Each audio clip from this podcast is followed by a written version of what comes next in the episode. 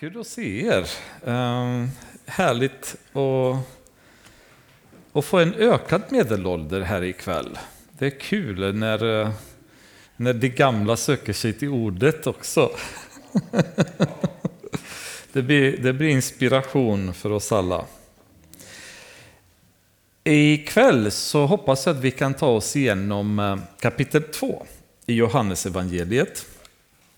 Och... Ehm, Jag bad er förra gången att eh, om ni hade tid och lust så skulle ni försöka att fundera på varför just bröllopet i Kana, eller miraklet kring bröllopet i Kana överhuvudtaget finns i Bibeln. Vad skulle Gud vilja säga till oss genom det? Och anledningen till det var en fråga som jag själv hade fått som ställde, ställde mig lite så fundersam av en lite nyfrälst eh, syster som bara frågade varför. Jag bara kände, ja just det, varför? Sen kan jag tycka ibland att det spelar ingen roll varför. Ehm, har Gud bestämt att det ska vara så, så är det så. Oavsett vilken anledning han har för det. Men det är alltid kul om vi kan försöka hitta sammanhanget eller principen bakom en del grejer som finns i Bibeln. Det gör det ibland lättare för oss att förstå Guds tanke. Huruvida vi får svar på det eller inte får vi se, men vi kan be i alla fall att heliganden ska leda oss rätt i bibelstudiet. Käre Fader, vi kommer som vanligt inför dig och vi överlämnar oss och våra hjärtan i dina händer och ber om vägledning. Be om styrning, Herre, över sinne och känslor så ingenting kan springa iväg på områden där inte du finns med och välsignar, Fader. När vi kommer i texter som ibland är lite svårare så tenderar vi att komma med egna tankar och spekulationer och jag ber att du ska bevara oss från sånt ikväll. Utan hjälpa oss att kunna fokusera på det du vill säga till oss, Herre, och den tolkning av ditt ord som vi behöver ta till oss. Fader, jag ber att det ska vara saker också som ska bygga upp oss inför de prövningar som vi möter i vardagen, Fader. I vår vardagliga liv när det gäller möten med människor, situationer som vi, vi står inför, Herre, där vi ibland tenderar att gå in i köttet, agera mänskligt, glömma bort vad du säger till oss. Fader, jag ber att orden som vi studerar tillsammans ska vid de tillfällena komma tillbaka till oss och påminna oss hur vi ska tänka, hur vi ska uppträda, vilka ord som ska komma ur våra mun, munnar. I Jesu namn ber jag att du ska välsigna hela skaran som är här ikväll, de som kommer lyssna på podd eller på något annat sätt. Låt hjärtan bli förändrade i Jesu namn. Amen. Amen. Eh, vi kan börja läsa då från kapitel 2 och så läser vi hela väggen till vers 12. Vi läser hela texten den här gången. Johannes evangeliet kapitel 2.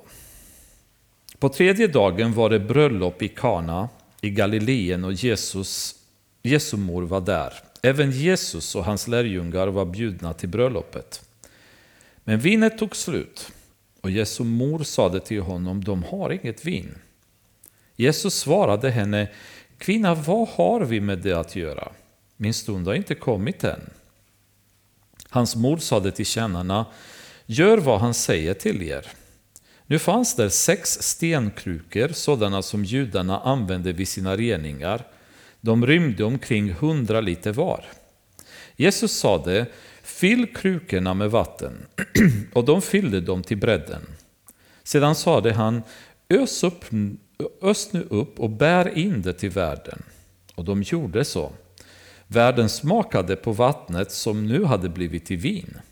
Han visste inte varifrån det kom, men tjänarna som hade öst upp vattnet visste det. Värden kallade därför på brudgummen och sade alla sätter fram det goda vinet först och sen det sämre när gästerna börjar bli berusade, men du har sparat det goda vinet ända till nu. Detta var det första av de tecken som Jesus gjorde. Han gjorde det i Kana i Galileen, uppenbarade sin härlighet och hans lärjungar trodde på honom. Sedan gick han ner till Kapernaum med sin mor, sina bröder och sina lärjungar och de stannade där några dagar. Så en kort berättelse då som kommer intressant nog efter kapitel 1 som är en väldigt djup Eh, dykning i Jesu gudomlighet och skapelsen som vi har jag menar, vi har ju gått flera bibelstudier bara genom kapitel 1, så det är ett väldigt, ett väldigt mäktigt kapitel. Och efter det så börjar bröllopet i Kana. Ganska enkel berättelse, ganska så anspråkslös.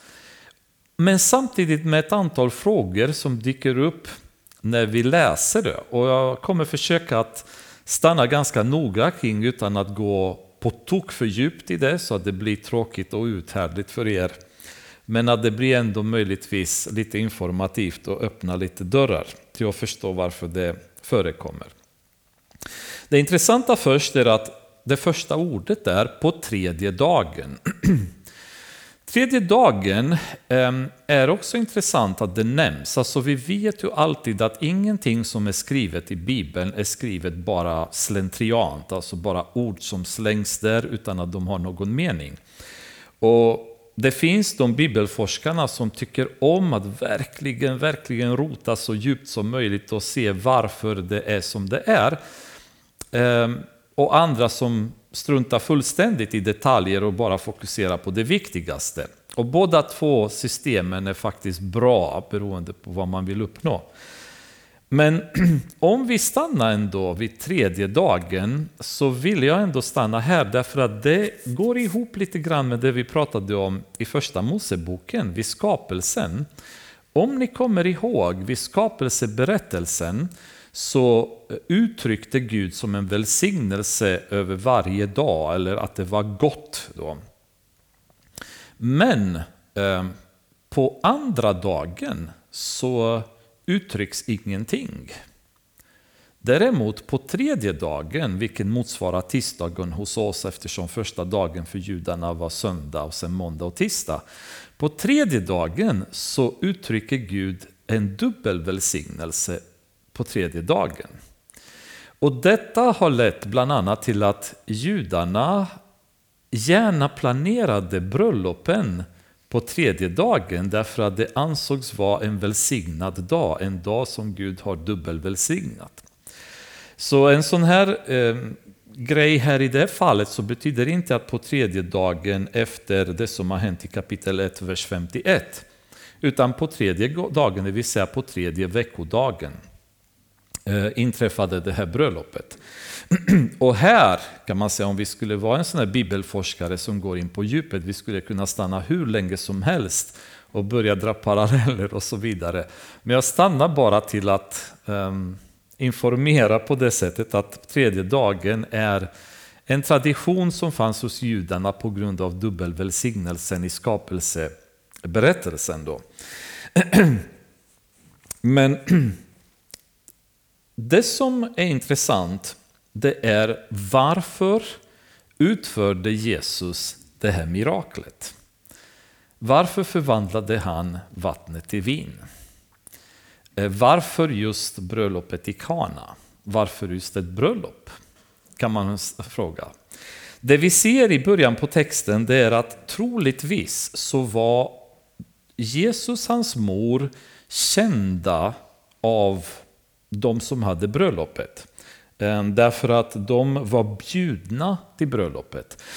Så de råkade inte bara gå förbi och, så vidare, utan de blev bjudna. Både Jesu mor, Jesus, hans lärjungar, de var med på bröllopet. Eh, och det blir lite, lite intressant att tänka på varför just skulle Jesus vara intresserad av att göra det miraklet. Personligen så ser jag tre möjliga orsaker som jag tycker från texten är ganska tydliga. Sen kan det finnas en fjärde orsak som är betydligt djupare och det går nästan in en slags eh, mer dold ehm, orsak som kräver betydligt mer bibelstudium. Och vi kommer beröra allihopa då. Ehm, den första som jag upplever är Jesus sätt att involvera sig i människornas enkla liv. Alltså, det är ju ett väldigt tydligt sätt för honom att visa att han bryr sig om våra liv även i de minsta, mest vardagliga detaljer som vi kan konfrontera oss med. Han finns även då med. Han finns inte bara med när det finns väldigt stora frågor kring ska det bli väckelse i Skövde eller inte. Utan han kan involvera sig i en liten fråga som att mjölken har tagit slut i kaffet hemma när jag har gäster. En sån fråga är någonting som Gud är angelägen att engagera sig i. Och det är ganska intressant för när vi ser Jesus beteende genom Nya Testamentet då ser vi att Jesus hängde oftast med människorna i deras vardagliga aktiviteter. Han var hemma hos dem, han var bjuden, han satt och åt mat med alla möjliga människor och, och visade ett intresse för människornas liv. Det som också är lite fascinerande om man tänker djupare, det är att han är på ett bröllop och han är Gud vi kommer från kapitel 1 där vi har förstått hans gudomlighet. Han är Gud som har skapat äktenskapet som nu kommer och själv besöker ett bröllop. Som han själv har instiftat på jorden och han nu personligen, fysiskt. Första eh, miraklet som han kommer begå på jorden är på ett bröllop som man själv har instiftat. Eh, unionen mellan man och kvinna som är grunden till hela jordens eh, befolkning och hela civilisationen. Så man kan ju, man kan ju titta på det från väldigt många olika perspektiv. Men han, jag tror att han är ju liksom i allra högsta grad involverad i detta. Han brydde sig helt enkelt. När Johannes kom, Johannes döparen var mer av en eremit. Han var ute i öknen, han var iklädd ganska enkla kläder åt honung, han predikade med kraft, han var mer en profetisk röst. Och så kommer motsatsen till Johannes döparen. Han vars sandaler Johannes döparen var inte ens värdig att knyta. Men han går in och bara är med på ett bröllop. Och har kul. Och umgås med de andra människorna på bröllopet. Och det, det är ju intressant därför att bröllop, om vi tänker på nummer två av anledningarna, på den tiden så jobbade människorna ganska hårt. De hade ett slitsamt, ett slitsamt arbetsliv. Men när det var bröllop, då var det fest. Och det var inte bröllop med svenska mått mätt med några timmar på kvällen och sen åk hem allihopa så att vi, vi kan dra på smekmånaden därefter. Utan ofta så hade de festen innan och sen hade bröllopet och sen eh, när bröllopet var så leddes brudparet genom hela staden, oftast omvägar till sitt hus för att hela staden ska se brudparet. Så kom man där och sen hade man kanske under en hel vecka fest. Då, då kom folk och gästade och det var glädje och det, det, då glömde man bort tillvaron. Då hade man ledigt, då kunde man fira och festa. Och det är intressant att Jesus är med på fest. Han är med och festar, han är med på den här glädjeögonblicket och har roligt med dem på bröllopet. Och det krockar lite grann även med bilden framöver som fariseerna har lite bekymmer med. Därför att de är irriterade eller konfunderade över att Jesus hänger med syndarna. Han äter och dricker med syndarna och publikanerna som de kallar det. Och de kan inte fatta, hur kan han? Fattar han inte vad de här människorna är syndare? Det är enkla människor. Men Jesus är med. Han äter och dricker med dem och har roligt. Han tycker det är väldigt trevligt att umgås med de här människorna.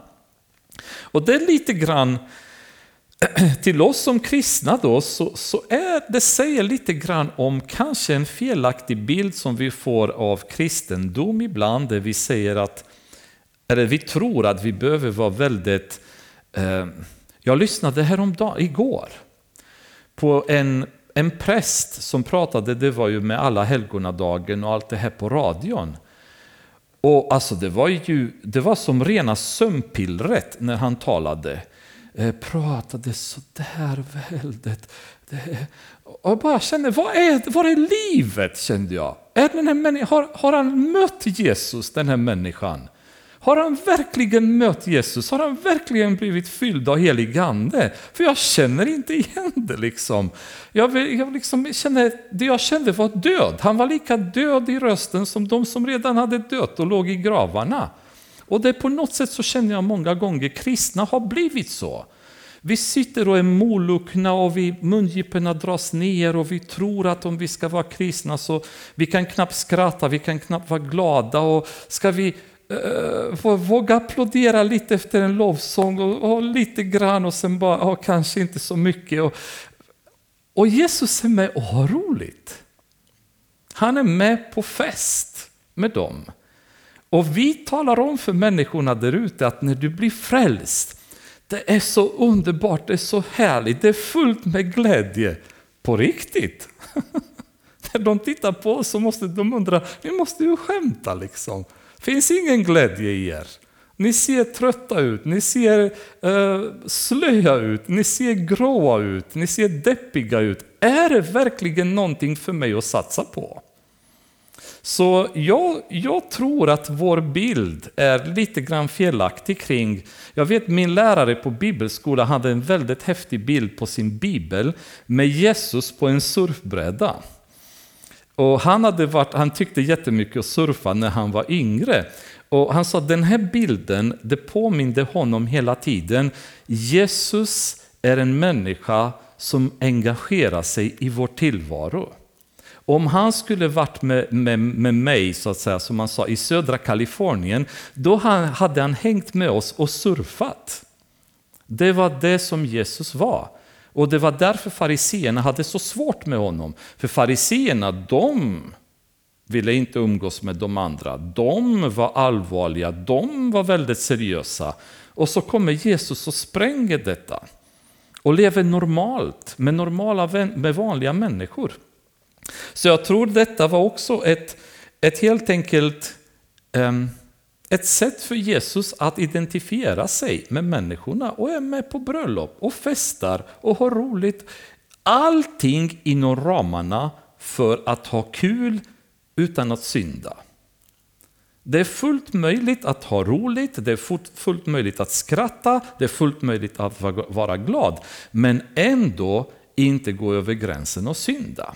Vi kan träffa våra arbetskamrater, vi kan gå på personalfest med dem, men vi har en gräns som vi drar när synden kommer. Då passerar vi inte den gränsen. Men så länge vi kan vara med, med dem och så länge vi kan vara trevliga och glada, varför inte? Liksom? Det är människor som vi tycker om, som vi älskar, som vi bryr oss om. Men när det går över till synd, det är där det tar slut för oss. Det är den gränsen som vi som kristna inte får passera. Men han var ju där. Vi kommer sen titta lite närmare på de andra två eh, möjliga orsakerna till att det här har inträffat. Men vi kan gå vidare nu till vers 4, eller vers 3. Eh, Maria, hans mor, hon anmärker att vinet tog slut. Och det intressanta är att hon ber inte Jesus att utföra en ett mirakel. Utan hon bara anmärker att hmm, de har inte vin. Ungefär knacka på, uh, bara så du vet, de har inte vin. Då.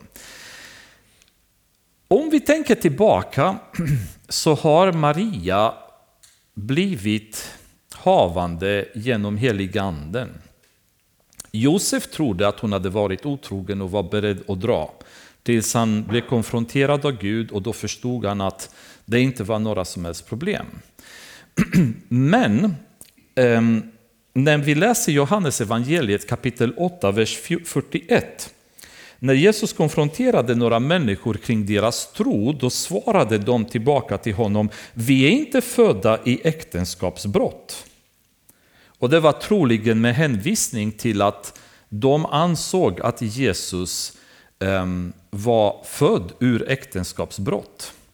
Så över Maria och över Jesus så måste det hela tiden ha hängt det här, det här stigmat över att hon har varit otrogen, begått äktenskapsbrott och Jesus är född på grund av äktenskapsbrott. En, en, kanske ett avsky, en avskyvärd handling med den kulturen och den, den tidens seriositet kan man säga när det gäller sådana handlingar. Och detta måste ha hängt över Maria. Nu vet hon att Jesus är Messia. Ängeln Gabriel har talat om för henne. Men under en 30-årsperiod så har hon levt med den här stämpeln på sig. Och har sett sin egen son förmodligen bli hånad, bli snedtittat på på grund av detta. Och hon innerst inne i sitt hjärta vet sanningen.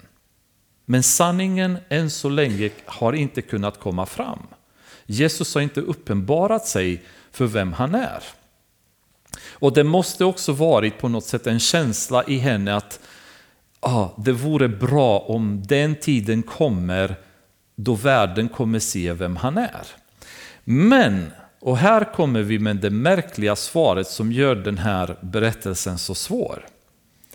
Jesus svarade henne, kvinna, vad har vi med det att göra? Och här är en felaktig översättning, därför att på grekiska så står det kvinna, vad har jag med dig att göra? Min stund har inte kommit än. Och här blir det lite tufft. Eh, om vi bara stannar vid kvinna, ehm, när vi läser det så tror vi nästan att det är lite oartigt sätt för Jesus att tilltala henne ungefär kvinna. För skulle vi säga till någon idag, skulle någon säga till vår mamma sådär idag, det skulle inte låta bra. Men ordet han använder faktiskt en väldigt artig, ett väldigt artigt ord som skulle kanske översätta hos oss käre kvinna eller ehm, kära damen. Och det är samma ord som han använder på korset sen när han tilltalar Maria och säger att kvinna, där är din son och så vidare. Det, det är liksom ett väldigt kärleksfullt, väldigt artigt sätt att tilltala henne. Men han bara säger, vad har jag med dig att göra? Min stund har inte kommit än. Med andra ord, det jag trott i alla år när jag, studer, eller när jag läst det, för jag har inte studerat det så noga, det var att Jesus säger, jag, jag är inte beredd att utföra något mirakel nu. Och sen samtidigt en stund senare så, så gör han det.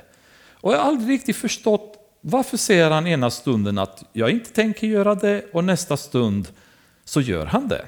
Lite inkonsekvent. Och här kan vi stanna en liten stund och vi stannar just vid ordet min stund är inte kommen.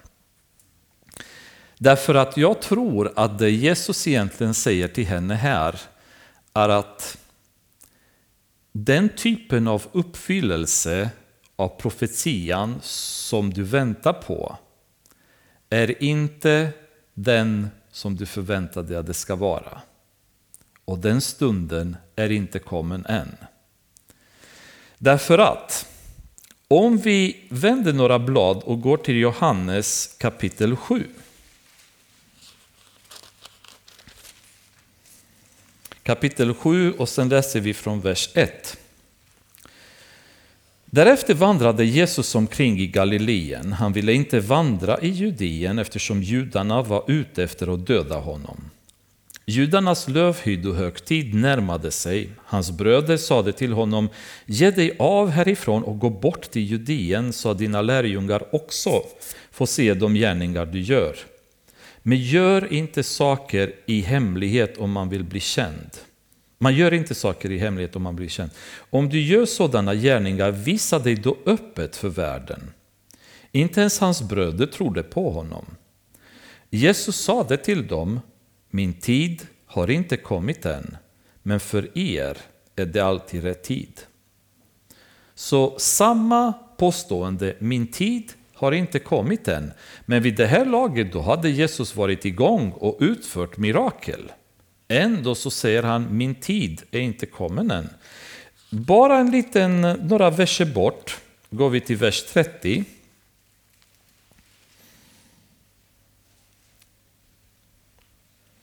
Då ville de gripa honom, men inget bar hand på honom eftersom hans stund ännu inte hade kommit.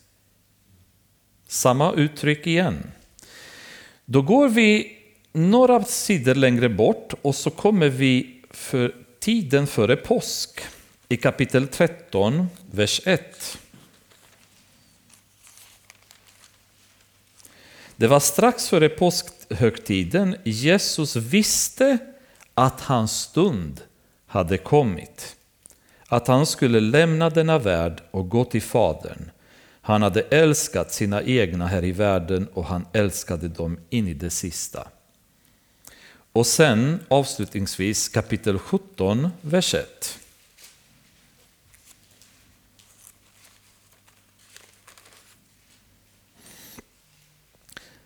När Jesus hade sagt detta lyfte han blicken mot himlen och bad Far, stunden har kommit, förhärliga din son så att sonen kan förhärliga dig. Det är det jag tror att Jesus försökte att säga till Maria. Att du förväntar dig att min stund ska komma genom att jag utför ett mirakel. Men min stund har inte kommit än. Det vill säga den, det hopp som du har kring det profetia som du har fått. Den, det är inte dags för det än. Den kommer att bli mycket längre fram och på ett sätt som du inte kan föreställa dig. Och det är det budskapet som jag utifrån de här verserna får fram att egentligen Jesus vill kommunicera. Därav så ser inte jag någon kollision mellan det faktum att han säger till Maria, min stund är inte kommen.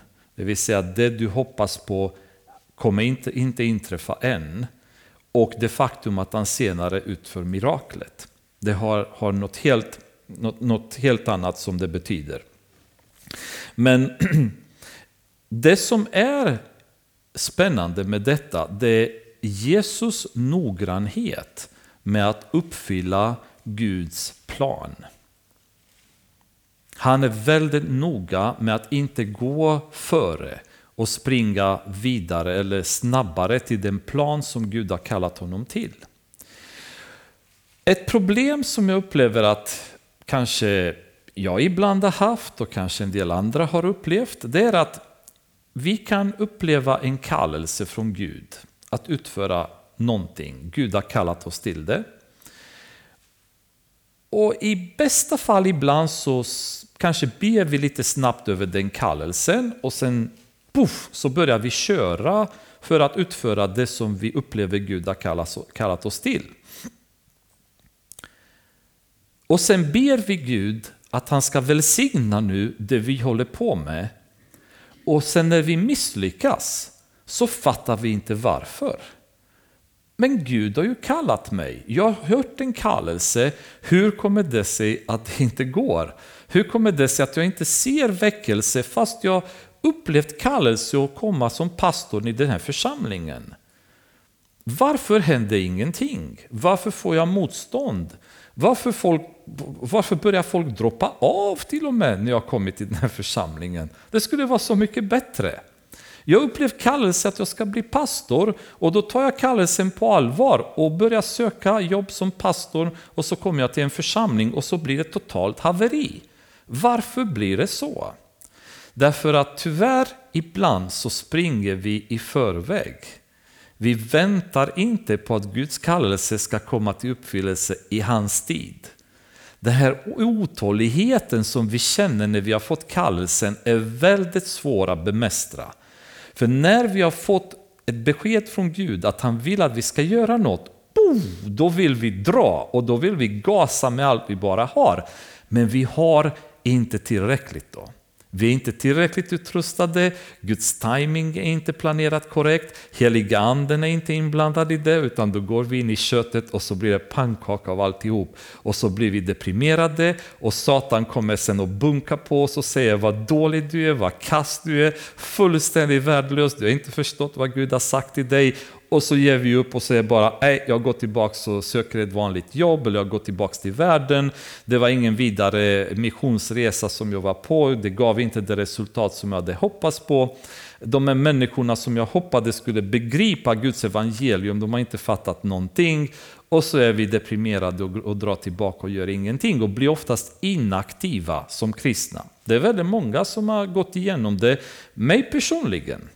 Jag har haft en lång period av inaktivitet i mitt kristna liv på grund av att jag kanske missuppfattat vissa delar av vad Gud var ute efter då i mitt liv. Um, men vi måste ge Gud hans tid. Vi behöver ta vara på den kallelsen vi har fått men låta det utvecklas i den takt som Gud vill att det ska utvecklas. Ibland kanske sker det på en gång, Ibland tar det tid. Vi har gett exempel om Mose många gånger förut, som fick en kallelse av Gud, han gick i egen kraft, han började döda egyptier. Eh, det var ganska, ganska ogenomtänkt, det kostade honom 40 år in i öknen och vid 80-årsåldern, då kommer han till den punkten då han kan börja uppfylla Guds kallelse. Men han ville så mycket, så mycket tidigare i sitt liv, men det var inte dags. Det var inte tiden inne än. Så han var tvungen att vänta väldigt länge. Och Gud har inte bråttom. Vi tror ibland om att Gud går in i panik, så att säga inställning. Och hela, kolla, hela stöpen går till helvetet om vi inte börjar göra det och det och det, predika evangeliet, banka på dörrar och så vidare. Och sen kanske börjar vi göra det och så bara upplever vi totalt misslyckande. Därför att vi kanske har gått eh, iväg icke rustade i Guds rustning. Vi känner inte till ordet, vi har inte heligandens kraft, vi har inte hjälmen på oss, vi har inte beredskapsskorna, vi har inte skölden som vi kan parera de attacker och så vidare. Och så går vi lite i shorts och t-shirt ungefär andligt sett och så åker vi på stryk ordentligt. Och så blir vi deppiga och tycker bara aj det går inte, jag får ge upp. Kallelsen är ju där, viljan finns där, önskemålet finns där. Men allting ska göras i Guds timing så att det blir rätt. Och det blir inte i köttet heller. Oftast så blir det att vi går in i köttet när vi, när vi springer iväg utan att vi har Guds välsignelse bakom. Jesus var noga med att hans tid inte hade kommit än. Men hans mor sa till tjänarna, gör vad han säger till er. Och det finns ingen, inget bättre råd att ge en människa på att säga, gör vad Jesus säger till dig att du ska göra. Eh, har man lite grann en osäkerhet kring Ja, men vad betyder det att vara kristen? Ja, det betyder att du ska göra det som Jesus har sagt till dig att du ska göra. Ganska enkelt svar. Eh, hur kan jag växa i tro? Ja, men genom att göra det som Jesus sa till dig att du ska göra. Ett så fantastiskt bra råd komprimerat i den här lilla versen. Gör vad han säger till er. Vad han säger till er, se till att göra, för det, det lär bli bra. Och nu går de och fyller eh, sex stenkrukor med vatten. De fyller dem till bredden. Och i, i alla år så har jag läst det. De fyller sex stenkrukor med vatten. Och det är förmodligen vad ni de flesta tänker på när ni läser versen. Men ser ni att det finns några ord till i den versen? Som judarna använder vid sina reningar. Och det är lite häftigt. Och här skulle vi kunna stanna väldigt, väldigt länge. Vad betyder detta? Hur använder judarna de här till sina redningar? I fjärde Moseboken kapitel 19 så läser vi om um, en röd kvigga. En röd kvigga som man skulle leta och föra till översteprästen. Och det fanns ett antal grejer som man skulle göra med den här röda kvigan. Och ett antal kriterier till att välja den här röda kvigan. Alltså Gamla Testamentet det har väldigt många olika typer av offer. Men det här är lite av ett unikt offer. Därför att den här röda kvigan fick vara utan någon som helst defekt. Helt felfri och aldrig någonsin okad. Den skulle slaktas utanför lägret utav översteprästen. Han skulle ta blodet på sina fingrar och, och stänka blodet sju gånger mot försidan av uppenbarelsetältet. Han skulle sedan, och här är det viktiga, bränna upp kvigan helt. Allt skulle kastas in i elden. Blodet, köttet, benen, ingenting skulle inte brännas. Vid vanliga offer då kunde man sen ta till och med köttet från offret och äta tillsammans. Eh, men i det här fallet allting skulle brännas, ingenting skulle bli kvar utav kvigan. Sen kastade man i elden då ihop med kvigan cederträ, isop och karmositrött. Skulle man kasta in i elden. Och därefter, askan som blev kvar utav kvigan skulle man ta och förvara på ett ren plats utanför lägret. Och när människor utförde en aktivitet som medförde att de blev orena, då skulle man ta aska från kvigan och användas i reningsvatten. Och då, då blev man ren, alltså ceremoniellt ren, genom att använda askan från kvigan. Intressant kan man tycka, men vad har det med texten att göra? Och här vill jag inte dra för stora slag, för jag kan inte säga att jag är hundra på att det är tolkningen. Men återigen, om vi håller i tankarna att alla mirakel som Johannes använder, använder han med syfte av att bevisa Jesu gudomlighet. Och han är Guds son.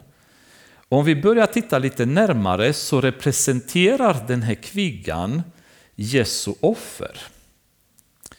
Och det sättet som han kommer brännas för våra synder och reningsprocess som han kommer eh, så att säga, utföra för oss.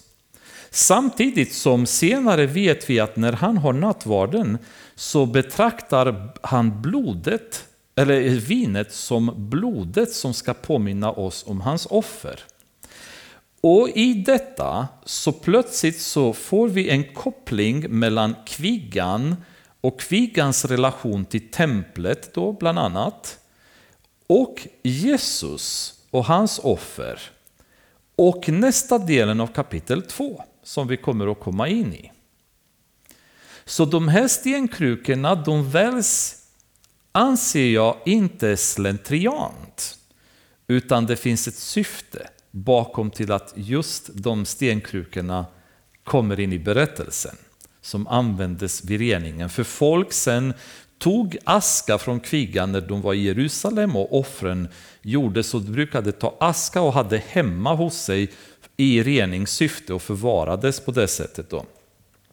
Så ni kan ha det i åtanke som en lite utmanande grej om man vill gå in i eh, fjärde Moseboken 19, läsa lite noggrannare och se lite grann. Om kvigan talas sen i Hebreerbrevet också, så det finns en väldigt stark symbolik kring just den här röda kvigan. Och bland annat för er information, det är just en sån röd kviga som judarna letar nu med ljus och lykta över hela världen. Det var faktiskt ett gäng som hade dratt till Texas för inte så länge sedan, därför att några judar lokalt hade trott sig ha upptäckt en kviga, en röd kviga som var fullständigt felfri. Därför att de letar efter en sådan kviga utom vilken de anser att de inte kunde komma utföra offer ehm, i det nybyggda templet i Jerusalem om det skulle byggas på nytt. Då.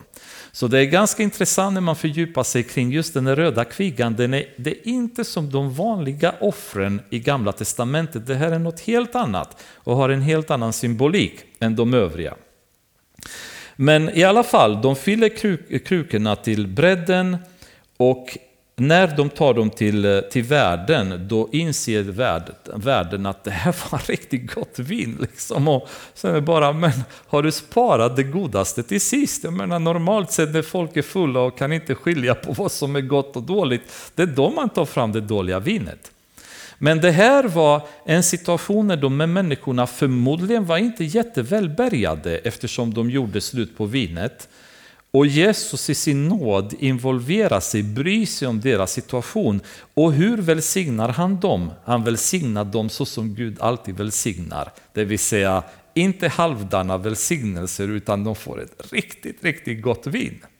Och det är också ett sätt för Gud alltid att när Gud välsignar så håller han inte emot. Alltså han, han, han välsignar i överflöd, oftast mycket mer än vad vi ber om, vad vi hoppas om, så får vi, vi drunknar i Guds välsignelse när Gud öppnar portarna. Och det är samma sak här, det blir ett fantastiskt resultat. Och slutligen, fjärde anledningen till att jag ser det här mirakel som möjligtvis eh, att, att, att ha skett, det är ju vers 11. Detta var det första av de tecken som Jesus gjorde. Han gjorde det i Kana i Galileen och uppenbarade sin härlighet. Och hans lärjungar trodde på honom. Nu blev det konkret för lärjungarna vem Jesus var. Nu trodde de på honom. Nu blev det bevisat för dem att det de hade trott om honom i kapitel 1 var sant och nu trodde de på honom. Så det kan också vara ett svar på frågan varför kan det varit mycket väl för det stärkte lärjungarnas tro på Jesus. Vi går vidare till kapitel 2, vers 13. Judarnas påsk närmade sig och Jesus gick upp till Jerusalem. På tempelplatsen såg han dem sålde um, såg han dem som sålde oxar, får och duvor, de som satt där och växlade pengar. Då gjorde han en piska av rep och drev ut allesammans från tempelgården med både får och oxar. Han slog ut växlarnas mynt och välte deras bord. Och till duvförsäljarna sade han, ta bort det härifrån, gör inte min fars hus till en marknadsplats. Hans lärjungar kom då ihåg att det står skrivet brinnande iver för ditt hus ska förtära mig. Då reagerade judarna och frågade honom, vad kan du visa oss för tecken eftersom du gör så här? Jesus svarade, riv ner det här templet så ska jag resa upp det på tre dagar. Judarna sade, i 46 år har man byggt på det templet och du ska resa upp det på tre dagar. Men templet han talade om var hans kropp. När han sedan uppstod från de döda kom hans lärjungar ihåg att han hade sagt detta och de trodde på skriften och på ordet som Jesus hade sagt. Medan han var i Jerusalem under påskhögtiden kom många till tro på hans namn när de såg de tecken han gjorde, men själv anförtrodde han sig inte åt dem eftersom han kände alla och inte behövde höra något, någon vittna om människan. Han visste själv vad som fanns i människan.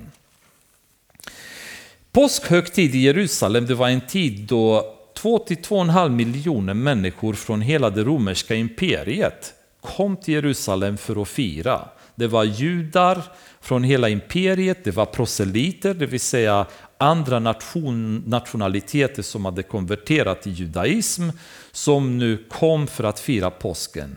Så det var en otroligt mäktig händelse, det kryllade av människor överallt i Jerusalem. Ehm, för att förstå lite grann templet då, bara för att få en tydlig bild av var vi befinner oss med de här som säljer. Ehm, templet var, bestod först av vad man kallade för hedningarnas gård. Eh, efter hedningarnas gård då hade man kvinnornas gård, sen hade man männens gård och sen längst in så hade man allra helig, eller prästernas gård och sen längst in allra heligaste. Och allra heligaste heter naos i, eh, i Nya Testamentet på grekiska och det är viktigt att vi håller det i tankarna för senare i texten. Då. Den här händelsen som vi möter här, det sker i första gården när man kom in på tempelgården, det vill säga hedningarnas gård. Gården där proselyter som hade konverterat till judaism, de fick vara där. Om de passerade därifrån i de andra gårdarna, då kunde de eh, bli straffade med döden. Det fanns ju tempelvakter som såg till att ingen som inte fick komma in i nästa område kom in. Då. Så det var ganska allvarliga brott att försöka det. Så hedningarna de fanns i den här hedningarnas gård. Då. Och de två överste prästerna som hade varit vid den tiden, och det är Kaifas och Hannas, de hade upprättat, eh, inte bara att inte de hade gjort det, men de hade förstorat kan man säga, en ett helt industri kring att göra business kring de här offren. De kom på, på idén att de ville inte ta emot pengar som hade romerska kejsarens bild på dem. Det ansågs vara oheligt, det skulle inte vara med i templet för att det var avgudadyrkan eftersom kejsaren proklamerade sig vara Gud. De ville inte ha de pengarna.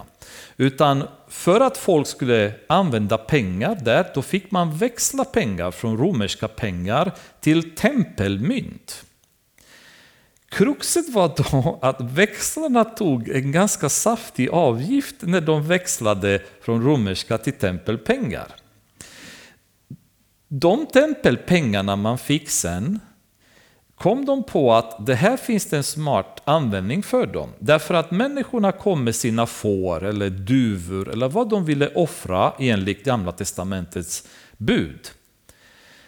Men vi vet att de inte fick offra djur som hade något fel, som hade något problem. Det var otillåtet. Så vad prästerna kom på var att de tog de här djuren som människorna kom med och sa bara ah, det där fåret kan du inte offra för det, det är ett fel på benet eller vad som helst. Då. Ja, vad gör man? Nu har man kommit från norra Afrika till Jerusalem för att offra. Jag kan inte stå där och säga jag kan inte offra någonting. Ja, men inga problem, då kan du köpa godkända djur, det vill säga som prästerna hade redan kontrollerat och godkänt för att vara eh, hela, utan defekt. Då kan du köpa därifrån. Med lilla detaljerna, de här djuren var upp till fyra gånger dyrare än vad de skulle ha köpt dem ute på stan.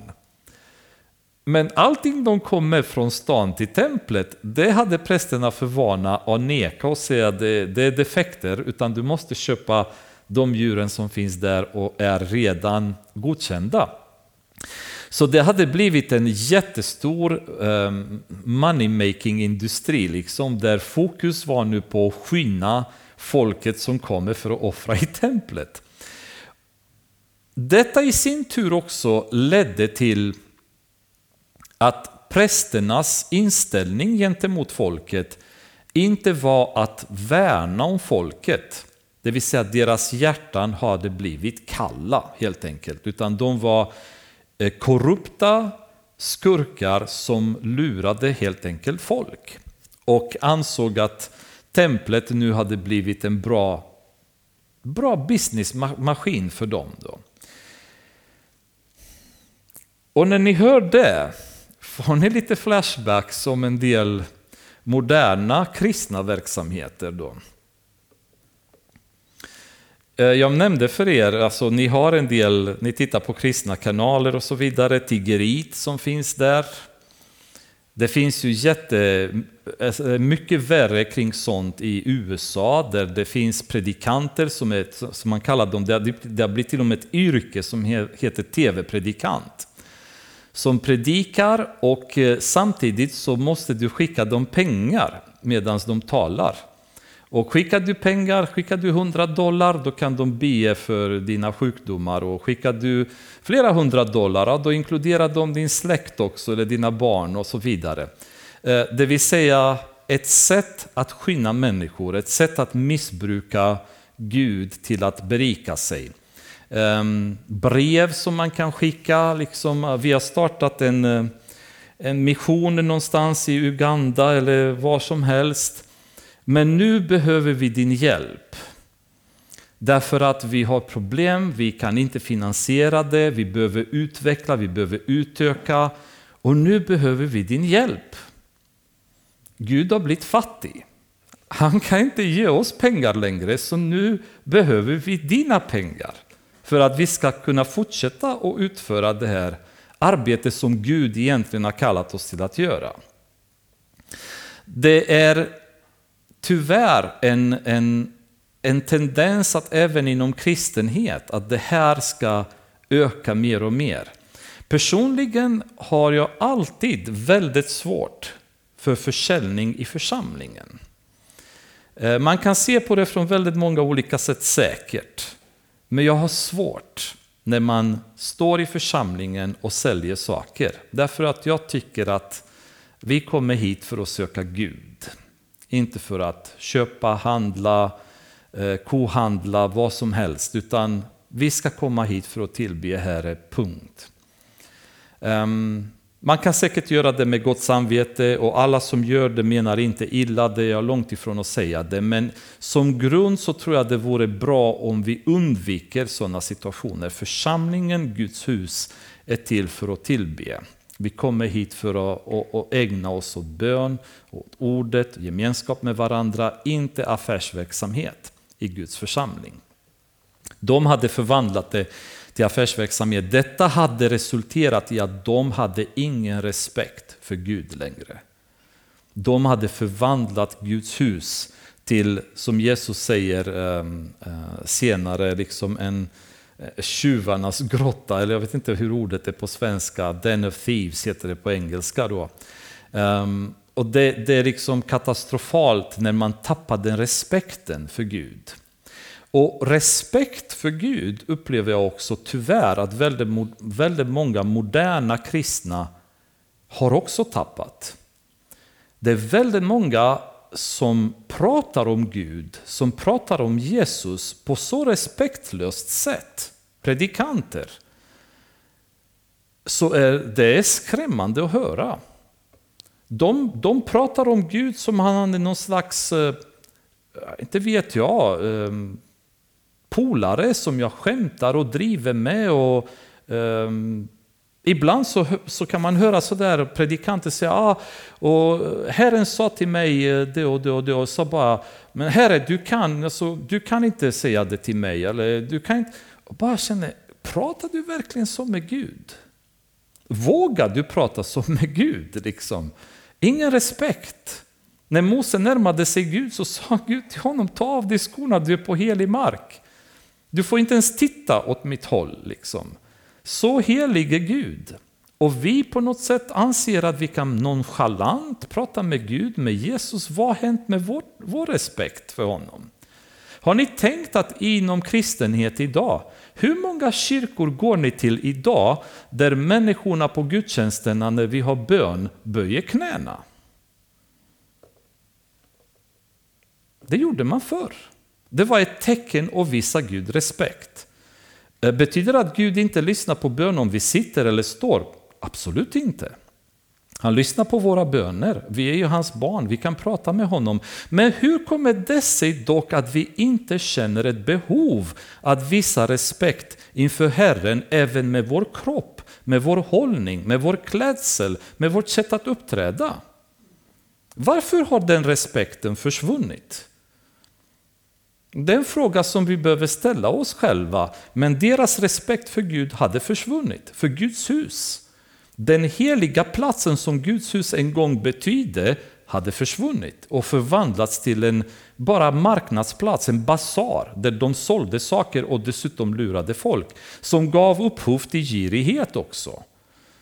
Ytterligare problem i relationen med Gud och, och ett ointresse för människor. Människor kom från hela världen för att möta Herren. Och vad fick de? De fick möta korruption. De fick möta girighet. De fick möta affärer. Och det tycker jag, det tragiska med församlingar som spårar ur, det är att människorna som kommer för att höra Guds ord gör inte det längre. Guds ord finns inte i församlingar. Och de hör allt möjligt annat, underhållning, de ser återigen eh, roliga saker, affärer, vad som helst, men inte ordet. Och jag berättade för er en gång förut, känslan när jag var på Nyhem en gång och hela hallen var packad med folk. Vad rimmer det? 3000 någonting? Jag vet inte om det fanns några lediga stolar, säkert fanns det, men det var, det var mycket folk. Eh, över 2000 garanterat. Och så var det någon slags showbusiness som pågick på scenen med ljus och häftig rök och så vidare.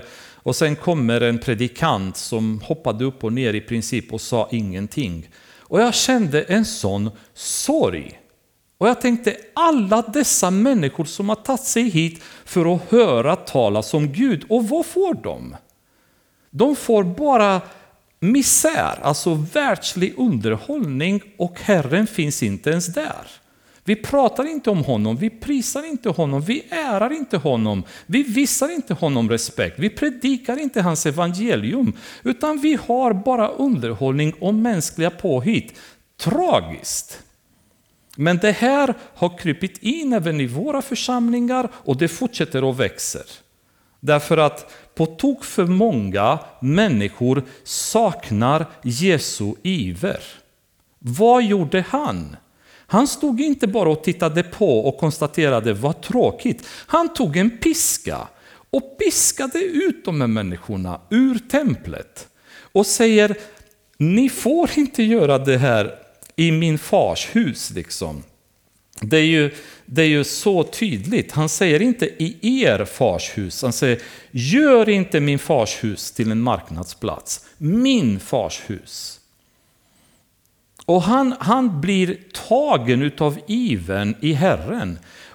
Och faktum är att när en människa blir fylld av heliga anden, när en människa blir rotad i Guds ord, så får man en iver över att försvara Gud. En iver över att, att, så att säga, se Gud eh, bli ärad och respekterad på rätt sätt.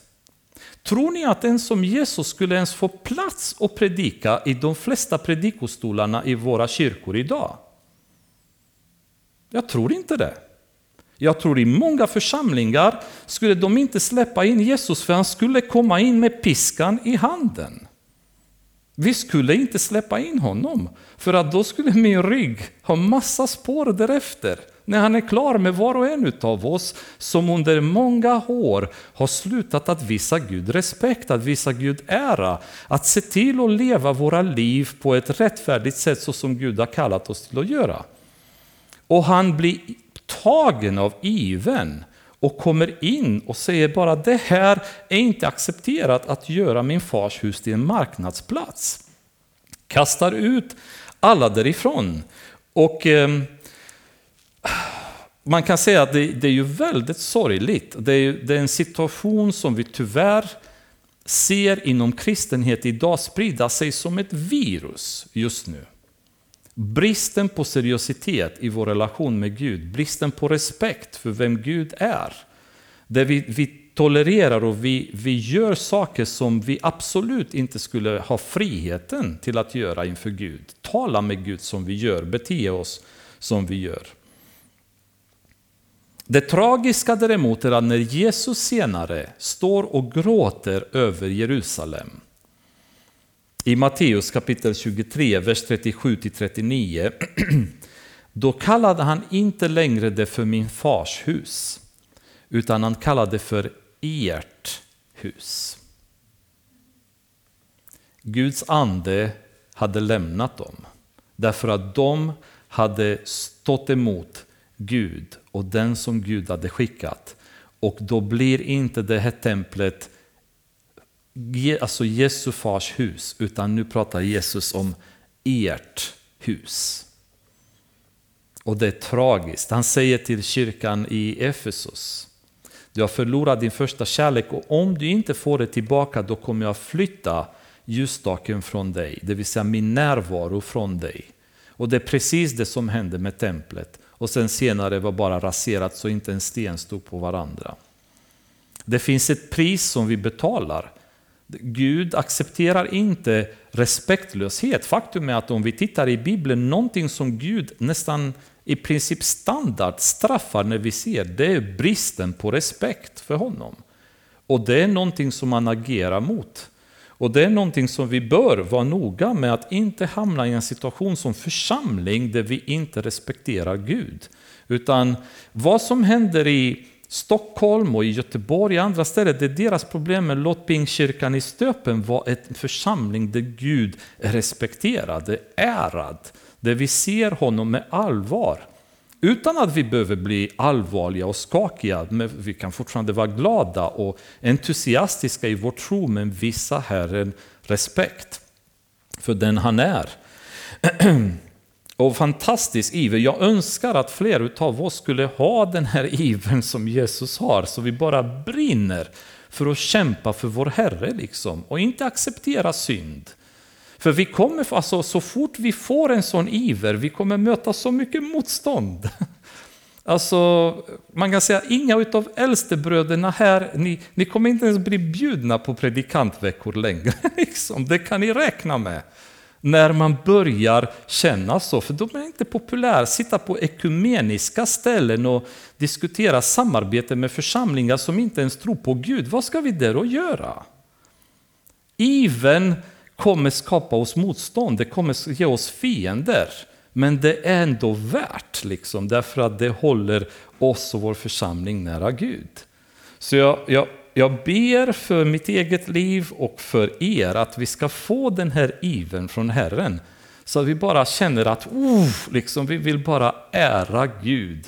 Det är det viktigaste vi har när vi kommer till hans hus. Liksom.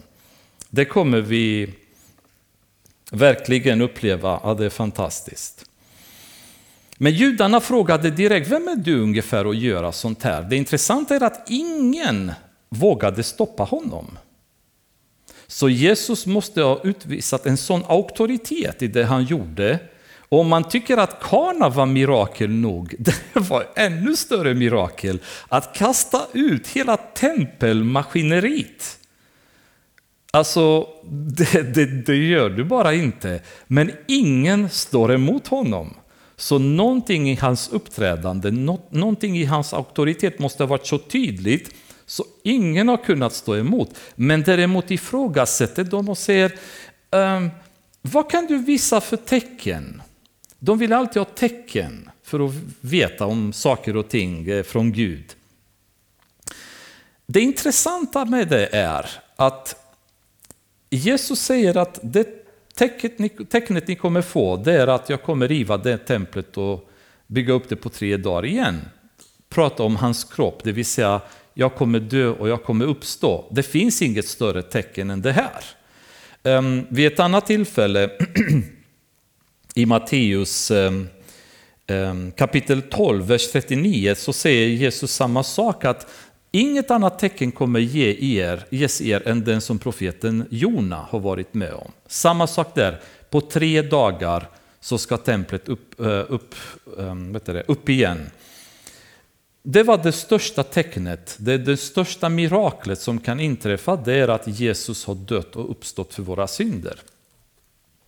Men judarna ville se mirakel, de ville se andra typer av tecken och de vägrar Jesus utföra. Har ni tänkt på det? Att när Jesus, för det är under flera tillfällen i evangelierna så de kommer till Jesus och säger visa oss tecken så att vi vet att du är från Gud eller att du är den du säger att du är. Och Jesus gör inget. Därför att när Jesus gör ett mirakel, han gör det inte för att övertyga någon eller underhålla någons eh, nyfikenhet. Han gör det därför att han bryr sig eller lider med de människor som han hjälper. Kan detta vara ett svar till varför vi ser så lite mirakel i vår värld idag. Vi ber många gånger till Gud och, och vi vill se mer helbrägdagörelser och så vidare. Men varför gör vi det? Kan det vara så för att vi hoppas att genom att ha de här miraklen att människorna kommer se och komma till tro? Egentligen så bryr vi oss inte kanske om personen som lider utan vi vill utnyttja den personen för att övertyga någon eller visa en bild av vilka vi är som kristna. Och sådana mirakel gjorde inte Jesus. Han gjorde aldrig mirakel för att underhålla andras nyfikenhet. De mirakel han gjorde var för att han verkligen brydde sig om människorna som hade det jobbigt.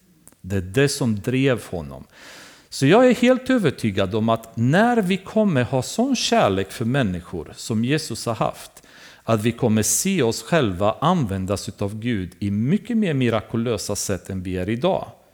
Därför att då gör vi allting utav rätt anledning och vi kommer aldrig ta, ta åt oss äran heller, utan då kommer alltid Gud få äran för det vi gör.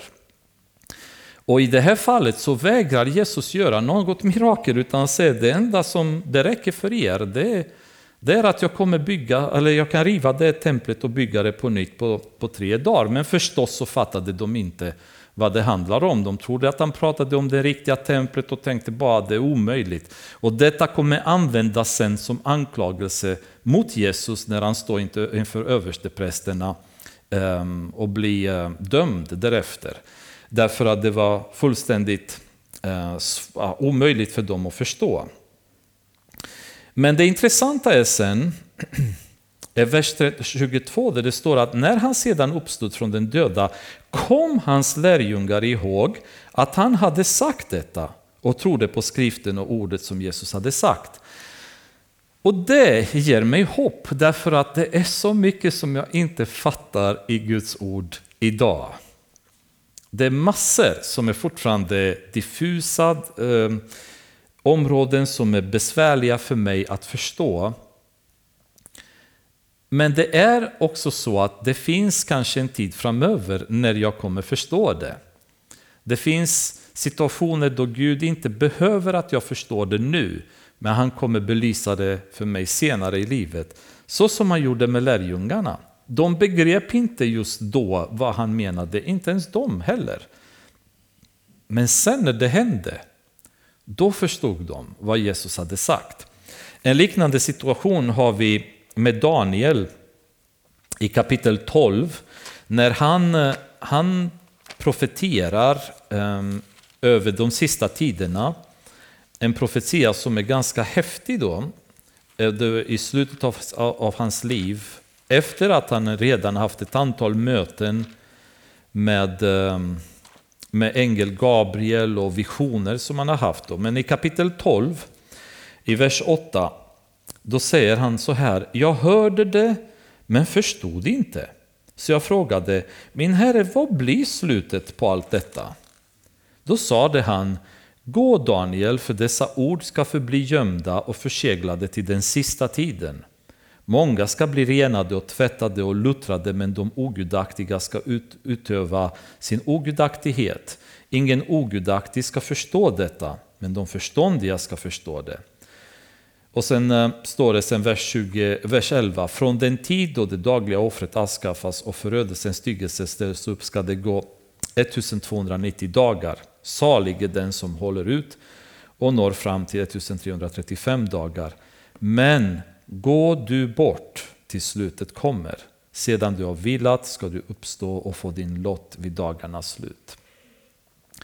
Så Daniel säger, vad betyder detta? Jag förstod inte.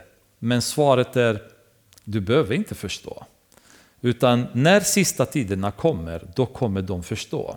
Så det finns ju grejer i Bibeln som vi kanske kommer kämpa med och inte kommer förstå någon gång, men de är för människor som kommer efter oss, som kommer förstå dem i takt med att kunskapen också ökar. Och kapitlet slutar med att det står, också intressant nog, att medan han var i Jerusalem under påskhögtiden kom många till tro på hans namn när de såg de tecken han gjorde. Men själv anförtrodde han sig inte åt dem eftersom han kände alla och inte behövde höra någon vittna om människan. Han visste själv vad som fanns i människan. Det som är intressant här är att det är samma ord som används i vers 23 när det står många, eh, kom många till tro på honom, eller på hans namn. Samma ord används i vers 24 för ordet anförtrodde. Och det är ju ett grekiskt ord som heter pisteo.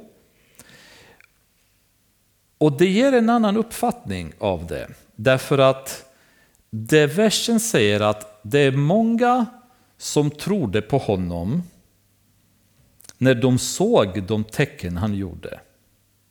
Men själv trodde han inte på dem.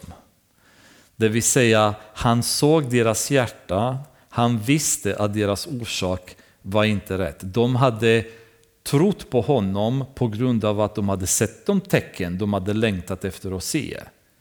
Men det var ingen äkta tro. Så Jesus trodde inte på dem, han anförtrodde sig inte till dem. Han tog inte deras tro på allvar därför att det var inte en äkta och det fortsätter och säger att han, han behöver inte någon människa vittna för han vet vad som finns i människan. Han kunde se förbi de rop kanske de gjorde och de entusiastiska skrik och det faktum att de följde efter honom. Han förstod att det här är inte äkta. Det här är inte någonting som de menar allvar. De har inte blivit förvandlade i sitt hjärta. Han trodde inte på dem själv.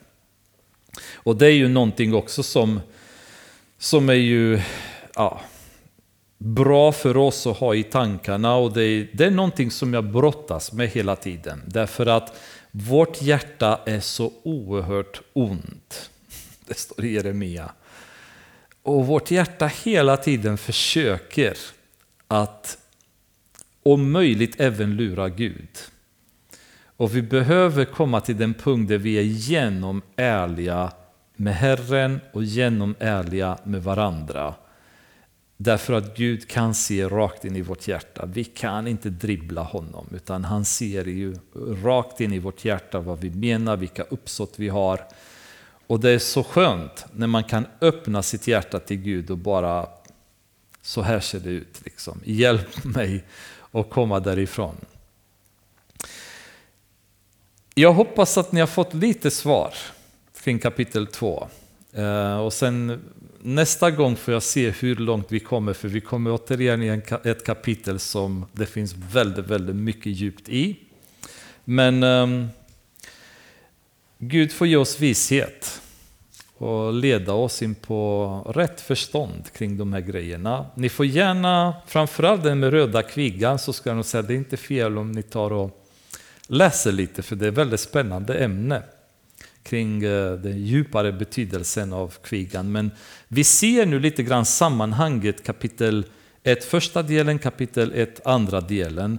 Därför att kvigan handlade om Jesus, en bild på honom, relationen till templet. Andra delen av kapitlet, återigen Jesus pratar om sin kropp, sitt tempel. Så vi ser lite grann sammanhanget och det kanske är ju det som är kopplingen. Gud får ge oss vishet och förstå bättre. Fader, vi tackar dig för det underbara med ditt ord som talar till oss, som leder oss, som uppenbarar så mycket för oss. Men Fader, jag vill också bara be för vår församling och vår inställning till dig, gentemot dig, Herre. Jag ber att du ska förlåta oss för alla de gånger då vi inte har visat dig den respekt som du har förtjänat, Herre. Du är vår far. Och vi har en nära relation med dig och du är alltid öppen till att prata med oss. Du är alltid välkomnande och vi känner verkligen att dina armar står öppna och din kärlek är så stor gentemot oss. Men allt detta här är ingen ursäkt för oss att inte visa dig den respekt som du förtjänar. Som universums skapare. Som den allsmäktige Herre, där änglarna döljer sina ansikten när de står i din närvaro, Herre. Låt oss få förstå vem du är, Herre, och visa dig den vördnad och respekt och ära som du förtjänar. Jag ber att varje person av oss i församlingen ska penetreras av den här bilden av dig, Herre. Att vi ska verkligen komma till dig i ödmjukhet varenda gång vi möter dig, Herre. Inte se ner på varandra och inte prata med dig på, orespektlös, på ett respektlöst sätt, Herre.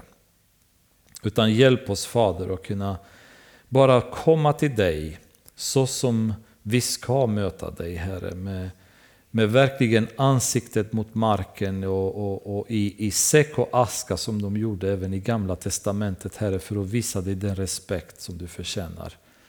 Och vi vet Fader att du älskar oss, vi vet att du bryr dig så mycket om oss. Och det är ju den balansen Herre mellan din rättfärdighet och kärlek som är så, os, som är så svårt för oss att begripa Fader. Men vi är tacksamma att du är som du, du är Herre. Och vi prisar dig i Jesu namn. Amen.